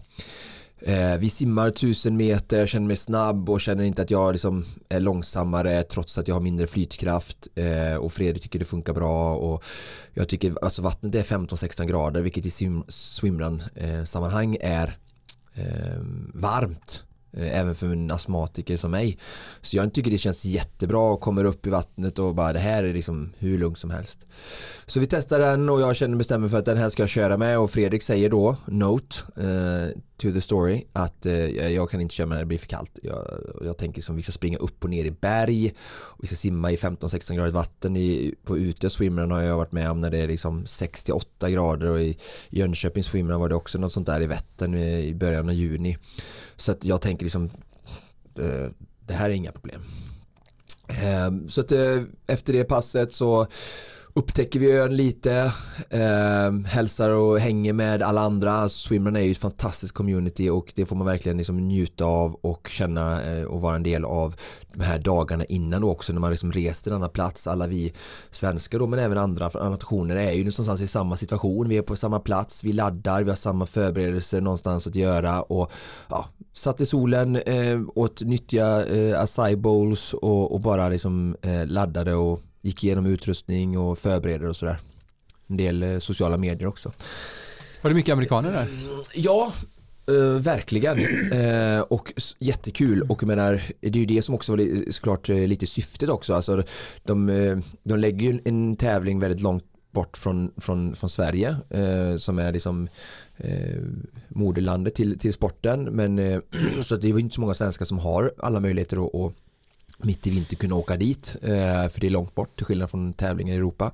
Men samtidigt också det som är så eh, alltså viktigt och eh, roligt att vi får in mer då liksom amerikaner och liksom andra nationer från runt om i världen som har kanske lättare att ta sig till den här tävlingen då också att vi kommer ta sporten närmare dem för att, för att få, få sporten att växa och öka bredden både motionärsmässigt och, men även elitmässigt och eh, det visade sig verkligen att vi fick ju väldigt duktiga atleter. Alltså jag skulle sticka ut taken och säga att många killar och lag där som var bättre vältränade än mig eh, rent liksom kapacitetmässigt eh, mm. och ja, vältränade killar eh, och tjejer men sen som sagt swimmen är ju det är också så roliga med sprinten att det blir ju mer och mer specifikt och sporten utvecklas så att eh, det går inte bara att eh, ha ett starkt hjärta och hög konditionskapacitet och eh, vinna ett lopp utan det är mycket eh, erfarenhet och, och sådana saker också nu som, som, som spelar in. Mm. Och det har vi sett på Göteborg de senaste åren att det har kommit väldigt många duktiga på pappret eh, atleter som är genomtränade från andra sporter eh, men som inte liksom, de gör bra ifrån sig men de, de räcker liksom inte hela vägen upp till pallen till exempel. Är det teknik då? Växlingsteknik? Och... ja, alltså allting. Alltså kunna simma med skor och alla de här bitarna. Att kunna navigera i vattnet, öppet vatten, det är stökigt. Det är, det är nutrition, det är liksom eh, ett lagarbete. Det är en, en, en lagsport. Många kommer från triathlon som är individuellt. Eh, man kanske tävlar med sin partner för första gången, man har olika, alltså man, man bildar lag, kanske mer baserat på socialt, vilket såklart är helt okej okay och naturligt, men inte kanske alltid på vem man passar bäst på, hur man synkar ihop och sådär, så att den ena kanske är starkare där och den andra är mindre där, så att det liksom eh, påverkar lagets liksom, slutprestation. Även om det såklart är bra att kunna hjälpa varandra på olika ställen. Men blir det för stora variationer eh, inom ett lag så tror jag att eh, för att kunna vinna ett lopp så, så kan det liksom vara svårt. Mm. Ehm, så det är massa olika faktorer men, men oavsett eh, många amerikaner där, många alltså lika med då nya eh, utövare in i sporten, eh, motionärer som elit, vilket var väldigt kul att se och LA Times gjorde en intervju med oss eh, dagen innan där, eh, Adam Skolnick eh, eh, jätteduktig reporter som liksom med brinnande intresse för alltså sporten i mycket saker i, man kan säga mycket om USA, alla olika så här, men alltså det tas väldigt nya saker där som är utmanande när människor visar och bryter gränser och bara liksom är icke jante och bara kör och vågar och tror på sig själva och klappa sig själva på bröstet och kasta sig ut inför utmaningar. Det tas emot på ett helt annat sätt eh, tycker jag i, i USA inte minst. Eh, och det är så kul då för att eh, de gillar ju det och sporten tas emot på ett bra sätt och och det får uppmärksamhet och det i sin tur leder till att sporten kan växa och att sporten växer gör det bättre för oss eh, som är högst upp men det gör det bättre för motionärerna och det blir bättre villkor och ja, det blir roligare och bättre för alla som mm. älskar swimrun helt enkelt. Så jättekul att det var så mycket amerikaner där. Liksom, jag har nog inte varit med i en tävling där det liksom är mer alltså, eh, internationella deltagare än svenskar. Inte vad jag vet i alla fall men ehm, ja, jätteroligt eh, med, med så mycket nya människor i sporten. Mm. Okej, okay, ni kommer till start. Ja, eh, vi kommer, det är fredagen mm. där och sen lördagen kortfattat måste ju ändå nämnas att vi, jag återigen för att liksom, jobba positivt min astma och, och sådär, min andning så fick jag tag på öns enda spa eh, Eh, som eh, vi checkade in oss på där och gjorde en sparritual med häftig ångbastu och eh, lite sådär. Så det var, det var väldigt trevligt och eh, gav, som säga, lade ännu mer upp förutsättningar för ett, ett, för ett bra eh, race. Så det kändes väldigt bra. Så vi vaknade, vaknade upp race morning eh, jetlaggare som man vaknade i tid eh, fick in eh, en kanonfrukost med havregrynsgröt och eh, även amerikansk pannkaka där som satt fint. Eh, och sen då eh, alla väldigt ordnat eh, inpackades i en eh, abonnerad och färja väldigt stor som skulle ta en timme bort till och andra sidan av ön.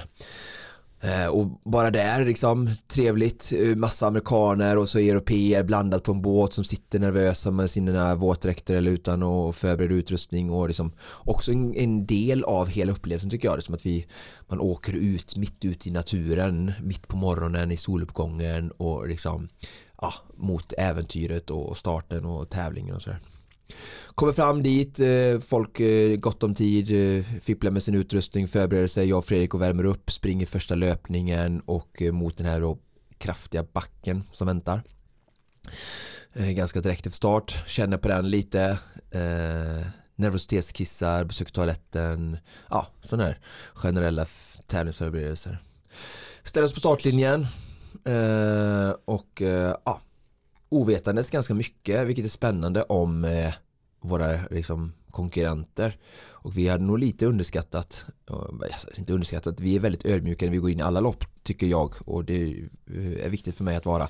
Men vi trodde kanske inte att det var så många duktiga bra lag förutom de eh, europeiska lagen som vi hade koll på då.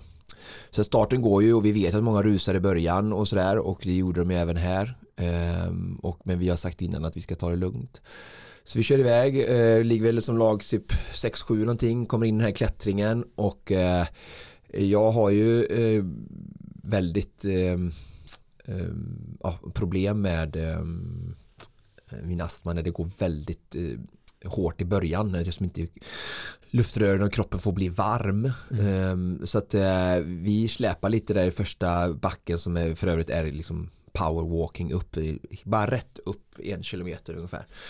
Men det går eh, inte att springa liksom? Nej det går inte att springa, mm. ingen springer. Och, eh, men vi hittar våran plats där och sen i nedförslöpan så plockar vi liksom som sig bör eh, många placeringar men ligger ändå efter täten med ungefär en och en halv minut inför första simningen. Hur många var det som hade ryckt då? Ja, men, alltså, inför första simningen så kanske vi var lag fyra mm. eller fem. Vi hoppade nog i som fyra, femma där ihop med ett lag till eh, duktig amerikansk lag. Och eh, Fredrik eh, tar första simningen som vi hade planerat innan, 1500 meter, ganska lång simning. Och eh, han gör nog han gör extremt bra simning eh, och jag ser vi har något lag på fötterna men de släpper efter kanske halva simningen och eh, jag ser att han tar på dem framför också och eh, när vi kommer upp ur vattnet första simningen så har vi 10 mm, sekunder. Hänger ni på lina? Nej, utan lina? ja, mm. vi, vi är så pass jämna att vi behöver det ofta inte använda lina så. Nej. Men det är väldigt stor, bara, eh, väldigt stor effekt bara att ligga bakom varandra och mm. drafta som det heter. Kommer upp vattnet där, ser Nikola eh, och, eh, de som, som senare kommer att vinna eh, kommer upp, är upp först i vattnet och vi är ja, som sagt 10 sekunder bakom.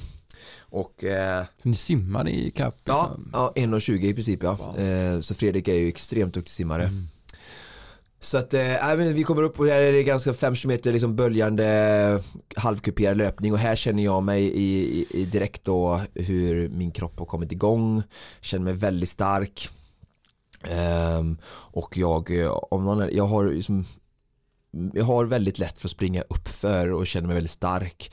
Men just det här gånggåendet var liksom, jag vet inte varför, men det var, gjorde mig ändå lite begränsad. Så att här var det lite ombytta roller. Att Fredrik var mycket starkare i när vi gick upp i första backen, men här nu när vi kunde springa, om det även var kuperat, så kände jag mig lite starkare. Och, eh, men vi, vi höll eh, vi höll lucka till laget framför men vi såg dem hela tiden, det kanske var 10 sekunder under hela den löpningen och eh, vi, vi, vi, gjorde inget liksom, drastiskt utan vi, jag sa till Fredrik vi kan eh, bara hålla dem inom eh, eh synhåll och eh, ja, förr eller senare så, så kommer vi komma ikapp. Vad är det för distans vi pratar om och hur fort går det nu? Ja, 4,8 kilometer mm. och eh, jag skulle säga att intensiteten eh, av löp på löpningen är väl någonstans eh, mellan 3.45 och 4 minuter per kilometer kanske eh, beroende på om du går upp för eller nerför.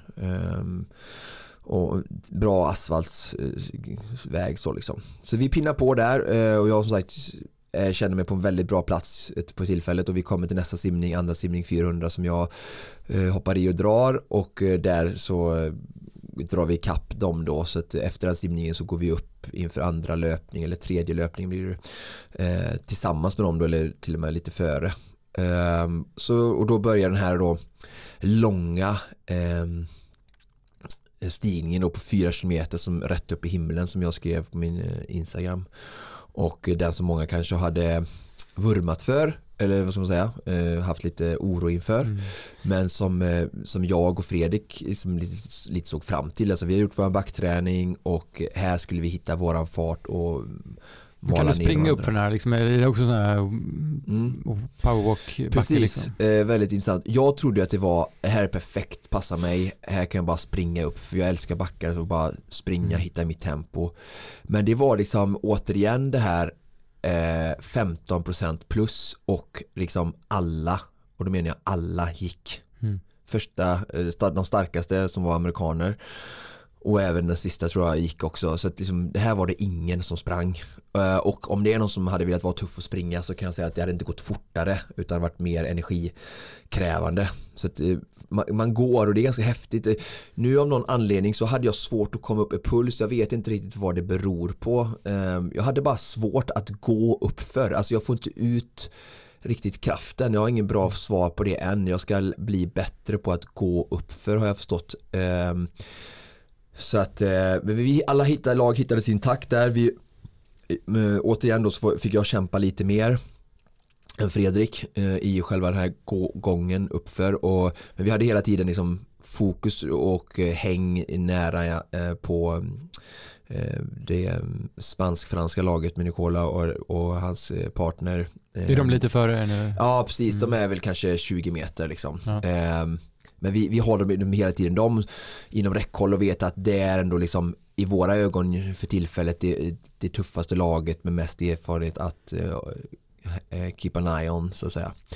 Och eh, vi leder ju med, ihop med dem men snabbt så kommer de här amerikanska lagen jag pratar om då som har en extremt hög kapacitet enligt mig. Eller, det är ju alltid vad man jämför med men i alla fall i relation till mig och Fredrik. Eh, så de eh, kommer ikapp oss i den backen och ganska snart så är vi fyra om inte till och med femma vid något tillfälle men eh, fyra i alla fall.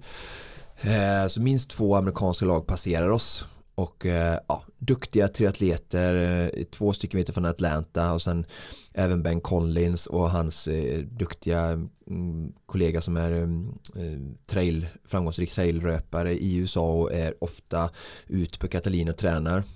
Och Ben Collins har ju vunnit många 70.3 Ironman och eh, ja, stort hjärta och mycket kraft kommer eh, liksom, ja, bara förbi oss men eh, jag är väldigt noga med att hålla min intensitet för att inte liksom ja, dra på mig astma eller liksom stressa kroppen för mycket. Så vi känner oss under så trygga. Vi har dem inom som synräckhåll hela tiden. Jag tror att som mest har de här unga eh, triatleterna från Atlanta en minut på toppen då efter fyra kilometer.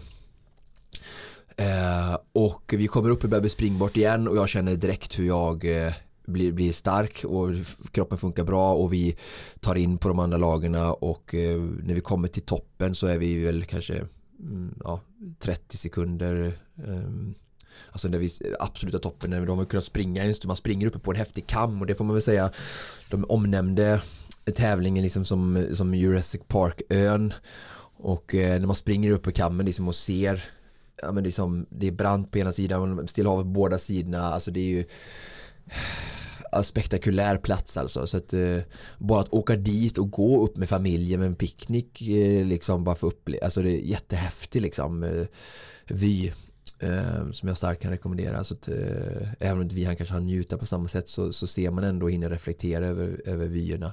Och sen då kommer det här omtalade nedförslöpan och då ska vi ner från det här berget som vi har precis sprungit upp för. Ehm, och här är ju min starka sida då ehm, att just liksom springa nerför och det blir väldigt tekniskt krävande för fötter och sådär. Så att här är också, eh, känner jag mig väldigt trygg och vi ehm, i slutet av den nedförslöpan så, så är vi i ledning eh, igen.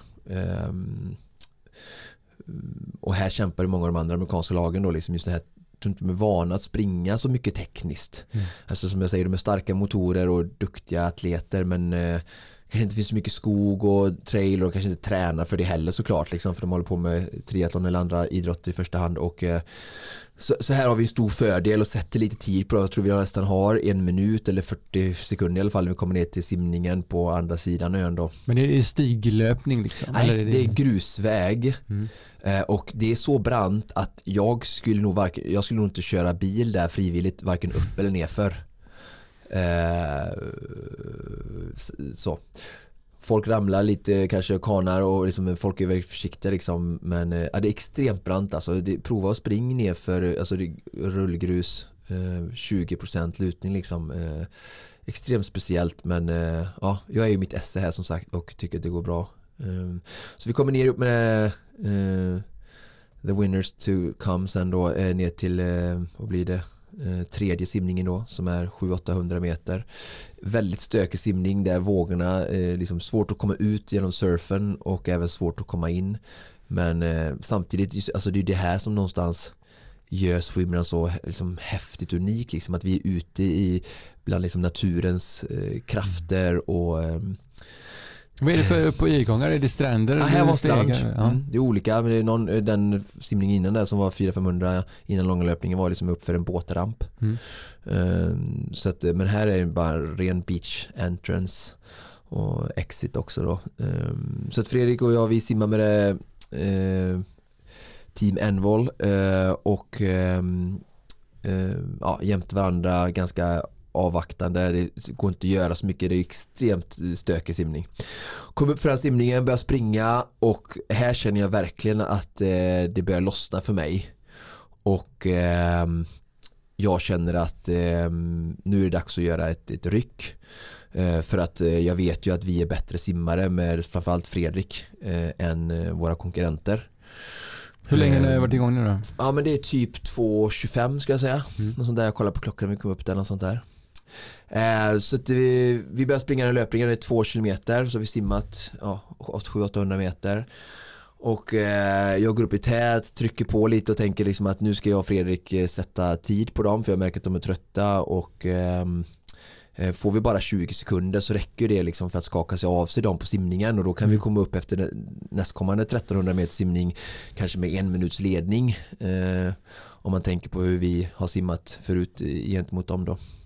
Eh, men Fredrik är, har, kämpat väldigt mycket med sina lår förståeligt efter den här nedförslöpan då. Liksom mm. Den slog ju verkligen på folks lår så att eh, vi, vi kommer inte riktigt ifrån dem utan vi ligger kvar med dem och eh, mm, kommer i den här 1300 meter simningen som jag börjar att dra. drar väl knappt halva innan Fredrik tycker det går för långsamt och, och kommer om. Och då tänker jag liksom att äh, men nu har vi nog nu, nu har nog jag, för jag har vevat på lite, jag tänker att vi kanske fått en liten lucka till de andra så därför går Fredrik upp liksom för att liksom, ta vara på det här läget då. Men det, det visar sig att de eh, är kvar på våra fötter och eh, ja, som sagt det är en väldigt stor eh, väldigt stor fördel att ligga bakom någon. Så att mm. vi hade verkligen behövt kanske 15-20 sekunder Ehm, innan simningen började då, men nu gick vi tillsammans.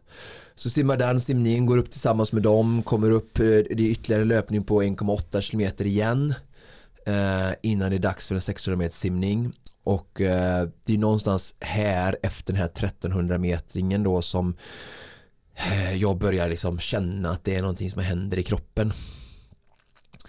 Ehm, och jag har inte, alltså jag hoppar lite efteråt och reflektioner här nu och sådär att jag har liksom inte reflekterat under loppet liksom hur utsatt jag är i min dräkt. Och det är inte förrän jag kommer hem på svensk mark egentligen som jag har känt bak till på den här dräkten liksom att det är som liksom en vanlig liksom ett linne. Alltså det finns liksom inget neopren på ben, rygg, axlar utan det är bara en liten liksom neoprenbit på magen fram. Mm. så att liksom du är så mycket mer utsatt eh, förkyla. Ehm, och det här är ju som ingenting jag kanske har testat jämfört med andra dräkter innan så det, det är ju bara min okunskap och mig själv att skylla men jag började ju börja gå upp för mig då och började liksom må dåligt eh, både fysiskt men också mentalt för att shit alltså eh, jag har, varför, varför har jag inte reflekterat över att den här dräkten kanske inte håller för de här tankarna börjar komma nu för jag vet ju också att det är en kort löpning nu jag känner mig stark men vi springer inte jättefort och eh, temperaturen går inte upp och jag vet nästa simning är 1600 meter och liksom jag börjar fatta att det här är inte bra liksom och varken puls eller, eller värme går upp och, och jag är inte dum liksom.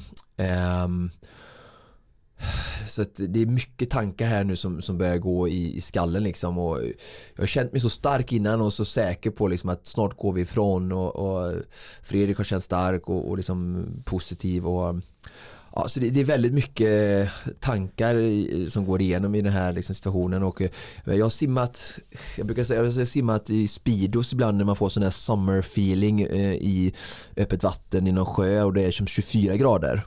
Och då eh, kan man känna liksom man har legat i en 30-40 minuter att shit vad eh, vad kall jag är nu och sett med bilen och så kör man mm. värme fast det är 25 grader ute i juli, mitt i juli. Bara för att man har legat ute i vattnet och mm. mm. det går väldigt fort att köra ner kroppen men när man har våtdräkt så är det aldrig de här problemen. Inte ens när det är 15 grader så kan jag köra 6000 meter i en sjö när det är en riktig alltså swimrun-våtdräkt alltså neopren alltså över allting. Men liksom, jag har bara total okunskap för, för liksom skillnaderna mellan den alltså, vanliga swimrun-dräkter och eh, en sån här då dräkt som är grymt bra men anpassad för andra tävlingar. Och det är ju här någonstans vi lär oss också för att det är ju en sån sak som också jag reflekterar efteråt men som inte fanns med i min tanke innan när vi liksom, jag hade lärt mig banan, jag är väldigt noga med att lära mig distans, jag kan dem oftast i huvudet. Men sen när jag börjar räkna på det nu så här i efterhand då så, så här, från den simningen vi kom ner från den här backen som var 800 meter tills eh, efter den här 600 meter simningen då är det alltså 3,7 kilometer simning mm. tillsammans med 3,7 eller 3,8 kilometers löpning. Alltså under 75 minuters raceande så är det lika mycket löpning som det är simning. Det händer ju inte. Mm. Alltså så menar, mm. för man är så mycket längre tid i vatten än på land så att mm. ration brukar ju vara 80-20 eller 75-25 liksom. Mm. Och, och, så vilken annan tävling som helst som jag har kört så hade den här dräkten funkat med den vattentemperaturen. Mm. Helt övertygad. Men det var ju alla pratade om hur de frös på den här tävlingen. Ehm, och det är inte för att deras våtdräkt inte funkade mm. och det är inte för att jag inte, alltså jag är den som kan stå emot kyla mest upplever jag av mina konkurrenter. Oftast när vi kör grissimmet på Ötö varje år så gnäller jag minst efter grissimmet. Även om jag också såklart kämpar med om det är kallt i vattnet men får ändå minst liksom eh, sviter av det efteråt. Mm. Utan det var liksom det här faktumet att det var så mycket simning i förhållande till löpning och mm. swimrun är kalla men det är ute som sagt som jag pratade om innan så kan det vara 8-9 grader. Mm. Det är relativt korta simningar 7-800 meter och eh, 8 grader i vattnet men så kommer du upp och gör en längre löpning så det, det är mm. liksom, förstår du vad jag menar? Det är den en helt annan mm. liksom, variation och längd i löpning och simning.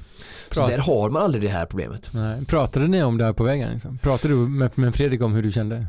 Just det, alltså om vi, om vi, just nu om vi har ju gått av lite här nu i berättelsen men vi befinner oss ju mellan de här två långa simningarna nu då och Eh, nej, vi pratar inget, vi ligger ju liksom med det andra laget. Mm. Så att det blir ju inte att, man, att vi pratar då utan då får man ju liksom, ja, nu vet jag inte ens om de kan svenska men mm. jag är ganska tyst för att jag är ganska fundersam och bara så här det här är inte bra liksom jag, jag mm. fattar vad det här barkar och jag känner liksom bara ska jag ner i vattnet igen nu 1600 meter men allting går ju bara per automatik man är ju adrenalinstint eller jag är och eh, full motiverad att, att vinna loppet så att jag tänker ändå inte uh, någonting annat än det och jag vill inte heller säga någonting och liksom, du vet, göra han uh, osäker eller liksom försöker ändå dölja det både för, inför honom och inför motståndarna då. Mm. Så i alla fall hoppar vi i den 1600 och uh, simmar och den är väldigt stökig. Fredrik drar i princip 100% av den tror jag.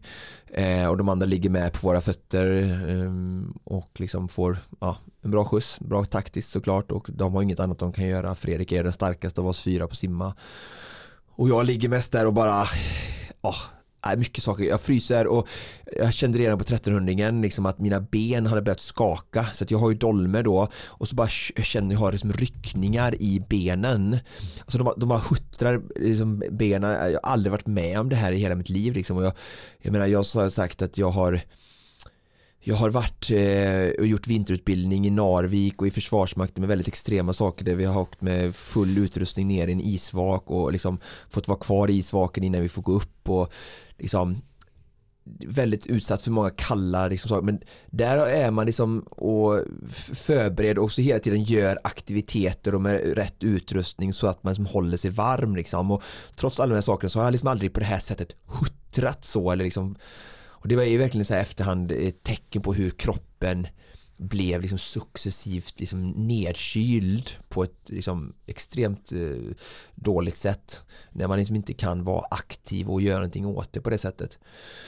Uh, och uh, är 1600 så skakningen bara ökar och vi kommer upp på den här 600 metringen och uh, nu börjar liksom jag börjar känna mig grogg i huvudet och liksom uh, Fredrik springer först, jag är med honom och sen så det går upp för och jag känner hur benen liksom slutar fungera och andningen, eh, eller liksom pulsen går inte upp och eh, ja, det andra laget och passerar oss och ser väl att jag ser ut som ett liksom skåp eh, eller vrak och eh, ja, de går om oss där och såklart maler på lite extra och tänker att eh, ja, nu får vi ta vår chans. Det hade ju jag och vi, vem som helst gjort.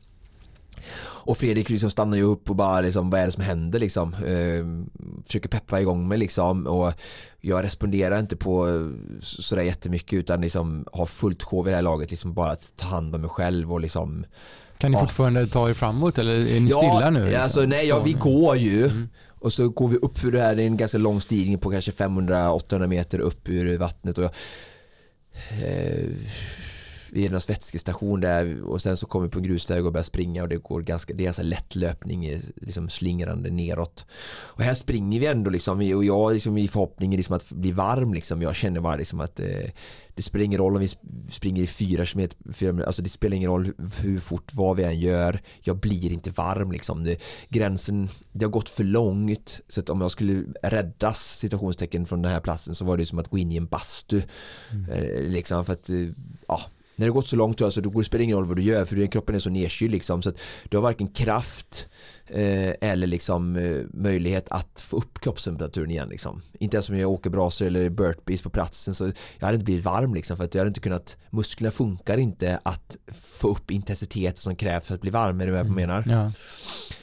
Och jag säger till något vid något läge där tror jag liksom till Fredrik inför den nästa näst sista simningen på loppet 800 meter att eh, jag kan inte gå i vattnet liksom. Hur långt är det kvar nu då? Ja, kan det vara 50 minuters tävlande kanske? Mm. Och två sim på det? Ja precis, mm. en 800 och sen en 1500 liksom. Mm. Um, och den här känslan då. Eh, så att, eh, Fredrik är grymt stöttande, eh, han tar det på helt rätt sätt liksom. Eh, verkligen tacka honom för, jag har tävlat med många människor och eh, han gör verkligen liksom alla rätt eh, som teamkamrat här för att liksom höja eller för att maximera våra chanser att ens ta oss till mål liksom. Mm. På det sättet att han liksom inte är arg, han liksom håller tillbaka sin besvikelse såklart som jag känner liksom även om han inte uttrycker den liksom att vi har åkt till andra sidan jordklotet för att vinna och vi har liksom gjort alla rätt fram till punkten däremellan liksom 13 och 1600 meter simning för att kunna vinna mm. ehm, och så liksom sviker jag honom blir det ju en känsla av såklart. Eh, så jag känner ju det, men han, han låter inte den liksom skönja i utan han är bara positiv och när vi kommer ner till den 800 simningen så tror jag till och med han föreslår liksom att vi ska ställa oss och göra liksom åkerbrasor eller armhävningar liksom och jag är vid det här laget ganska apatisk eh, att göra någonting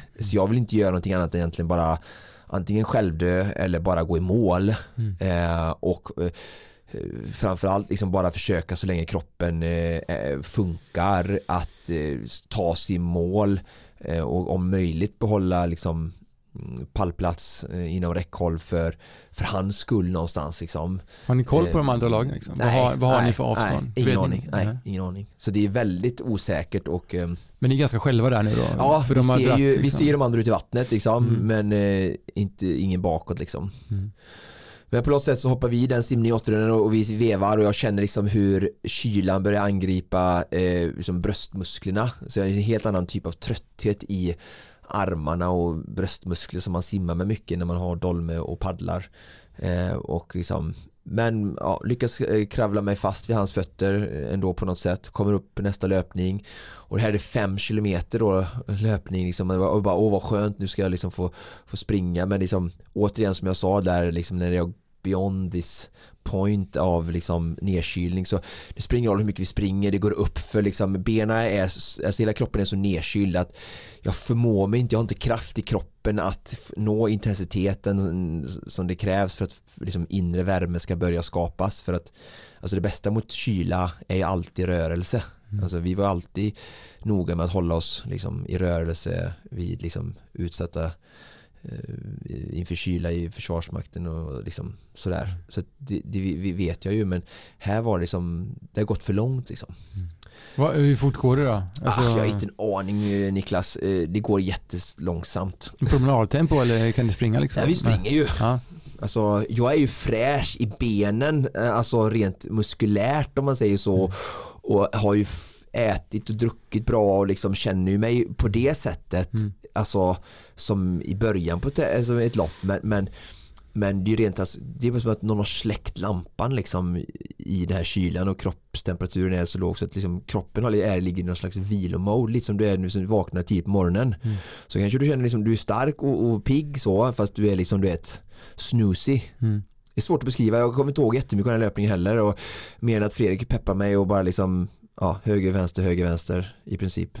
Och sen nerför den, jag vet ju vad den här simningen, liksom, det är 1500 meter och jag liksom, återigen, det är, så här, det är bara att hoppa i liksom och jag vet inte vad som kommer hända, eh, kommer vi ens komma över, eh, finns det båtar, Eh, ja men det är väldigt ovisst. Mm. Är det Eh. någon eh, sjukvårdspersonal liksom, som uppmärksammar dig på vägen här? Liksom? Eller finns det Nej, någon, nej, liksom... nej, nej, nej. Nej. De har ju alltid bra med säkerhet med båtar i vattnet så det är säkert någon som har fiskat upp mig liksom men det är ändå så här lite att man, man vet inte liksom vad, vad, kommer, vad kan hända med kroppen liksom. Så men en stor osäkerhet men så vi hoppar i simningen och eh, han vevar på och jag ligger bakom hans fötter och liksom eh, det går bra eh, ändå. Eh, och sen eh, det enda jag minns är att det känns som att den aldrig tar slut men eh, ja, det gör ju allting har ju slut. Vad är den i tid? 1500 meter och alltså det är också ganska stökig, lite mot mot där, så det är också liksom många av de här stimningarna vi gjorde på tävlingen var ju stökiga Mm. och också en faktor då som såklart spelar in i den här historien blir då liksom att jag älskar ju när det är stökigt och jag tror det gynnar mig men problemet när det är stökigt då är ju att antal minuter Mm. ökar ju i vattnet så det är inte bara att längderna var långa vilket egentligen är helt okej med de längderna och, eh, men när du är tillsammans med stökigt vatten så blir man ju ännu mer exposed alltså under en längre tid Mm. för att även för oss som är kanske liksom relativt snabba i vatten eh, så tar det relativt sett mycket längre att simma 1500 meter än vanliga fall. Så att, eh, ja, men upp på den stranden och sen är det bara 300 meter in i mål. Eh, och här, den löpningen vet jag inte ens liksom. Eh, och vi kommer i mål och jag vet i alla fall att, att Lemmel eh, som är liksom, eh, tävlingsarrangör eh, gör ett väldigt liksom, snabbt omhändertagande och han ser väl på någonstans min blick och mitt liksom, skakande och liksom apa, apati eller vad säger man, apatiska utseende att eh, här måste vi agera fort liksom.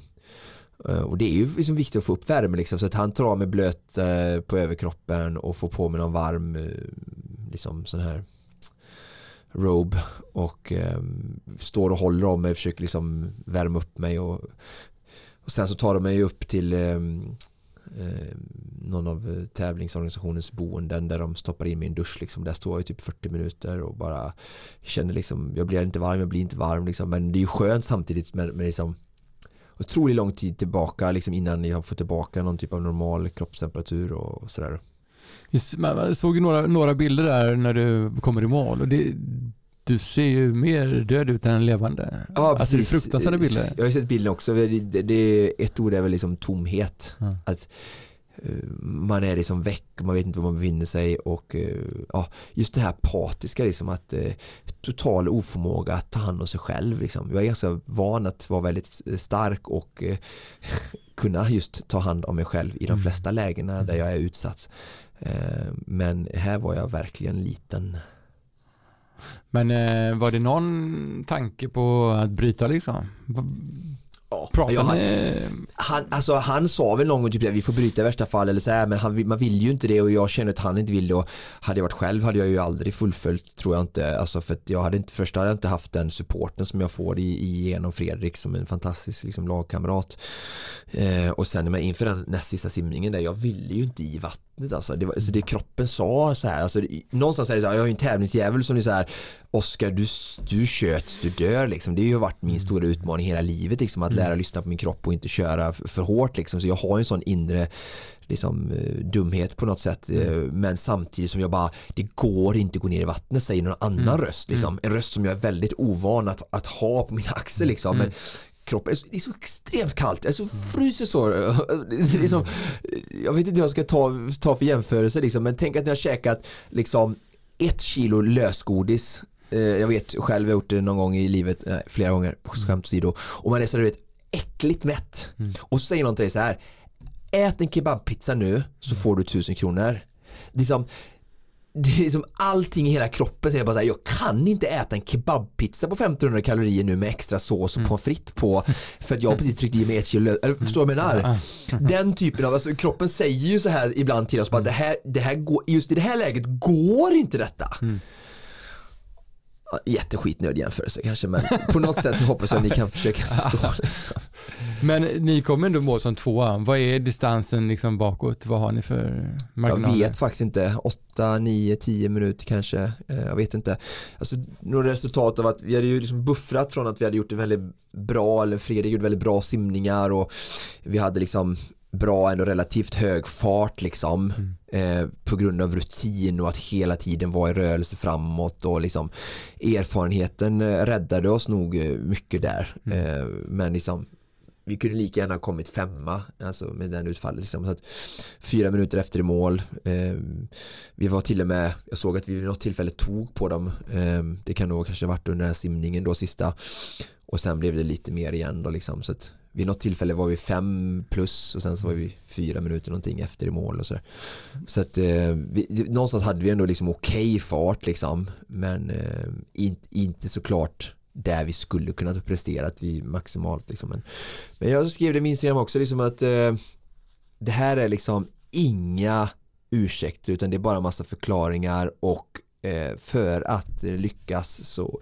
måste du, vi kunna, eller jag, ehm, hantera alla aspekterna i sport och det är det som är så fantastiskt också, liksom att det, det är inte bara hård träning och det såg vi för amerikanerna som var starka upp för alltså det, det, det går inte bara att vara vältränad, du måste ha mm. de andra sakerna också.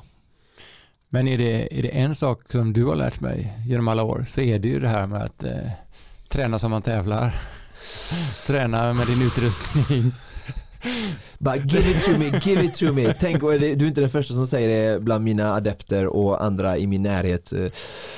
Um, så att jag får bara liksom svälja det och um, ja, ibland är det väl lättare att eh, coacha andra än sig själv, jag vet inte.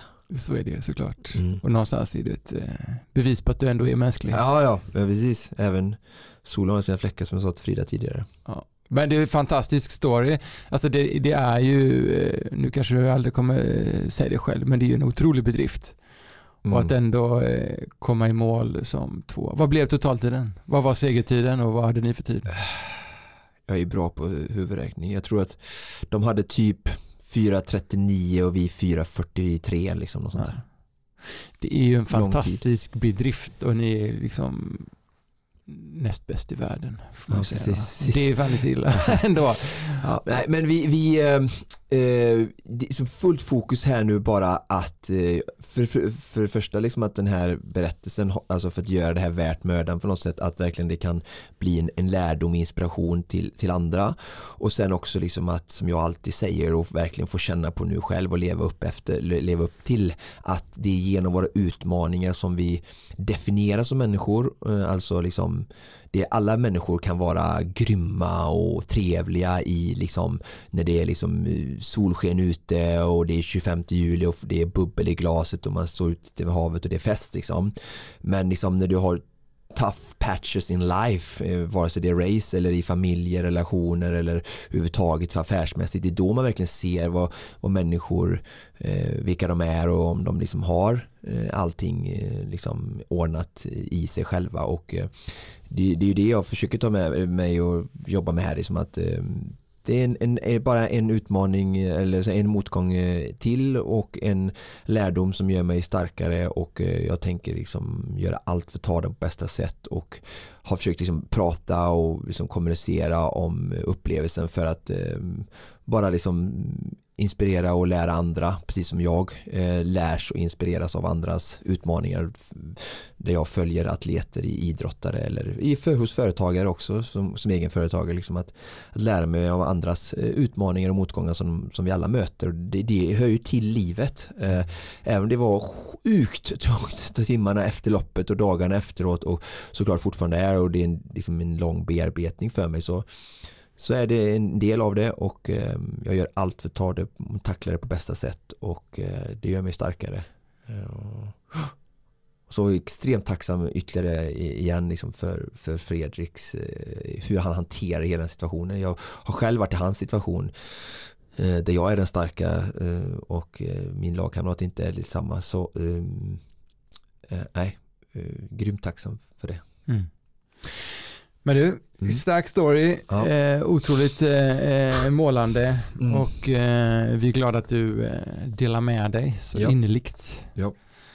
Vi kommer ju få se dig igen. Ja, ja, jag är, det är ju som sagt jag åt Frida, jag är tillbaka i, i träning nu igen och eh, back on the horse och bara fortsätter att göra det jag älskar och det som ger mig mening med mitt liv skapar motstånd i vardagen och eh, ja, bara fortsätta få göra det jag älskar. Så mm. det är tacksam. Kroppen är hel och, frisk.